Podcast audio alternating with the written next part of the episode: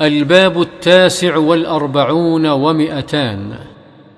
باب ما يقوله عند النوم. وعن حذيفة وأبي ذر رضي الله عنهما أن رسول الله صلى الله عليه وسلم كان إذا أوى إلى فراشه قال باسمك اللهم أحيا وأموت رواه البخاري.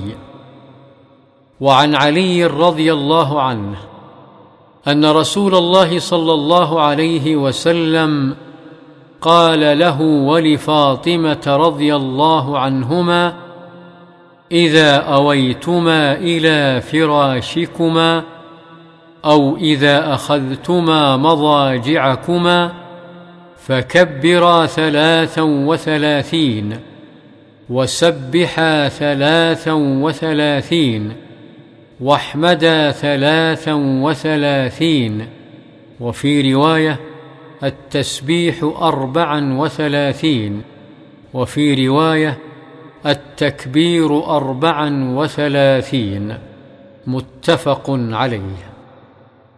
وعن أبي هريرة رضي الله عنه قال قال رسول الله صلى الله عليه وسلم إذا أوى أحدكم إلى فراشه فلينفض فراشه بداخلة إزاره فإنه لا يدري ما خلفه عليه ثم يقول باسمك ربي وضعت جنبي وبك أرفعه إن أمسكت نفسي فارحمها وإن أرسلتها فاحفظها بما تحفظ به عبادك الصالحين.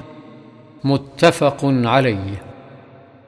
وعن عائشة رضي الله عنها أن رسول الله صلى الله عليه وسلم كان إذا أخذ مضجعه نفث في يديه وقرأ بالمعوذات ومسح بهما جسده. متفق عليه. وفي رواية لهما رضي الله عنهما أن النبي صلى الله عليه وسلم كان إذا أوى إلى فراشه كل ليلة جمع كفيه ثم نفث فيهما فقرأ فيهما قل هو الله أحد. وقل اعوذ برب الفلق وقل اعوذ برب الناس ثم مسح بهما ما استطاع من جسده يبدا بهما على راسه ووجهه وما اقبل من جسده يفعل ذلك ثلاث مرات متفق عليه قال أهل اللغة النفث نفخ لطيف بلا ريق. وعن البراء بن عازب رضي الله عنهما قال قال لي رسول الله صلى الله عليه وسلم إذا أتيت مضجعك فتوضأ وضوءك للصلاة ثم اضطجع على شقك الأيمن وقل اللهم أسلمت نفسي إليك ووجهت وجهي إليك وفوضت أمري إليك وألجأت ظهري إليك رغبة ورهبة إليك لا ملجأ ولا منجى منك إلا إليك آمنت بكتابك الذي أنزلت وبنبيك الذي أرسلت فإن مت مت على الفطرة واجعلهن آخر ما تقول متفق عليه.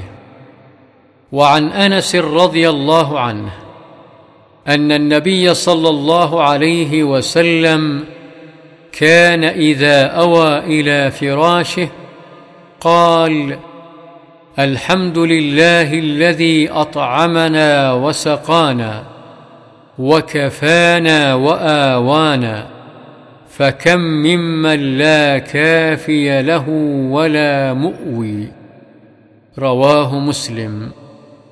وعن حذيفة رضي الله عنه أن رسول الله صلى الله عليه وسلم كان إذا أراد أن يرقد وضع يده اليمنى تحت خده ثم يقول اللهم قني عذابك يوم تبعث عبادك.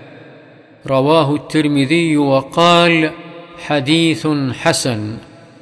ورواه أبو داود من رواية حفصة رضي الله عنها. وفيه أنه كان يقوله ثلاث مرات.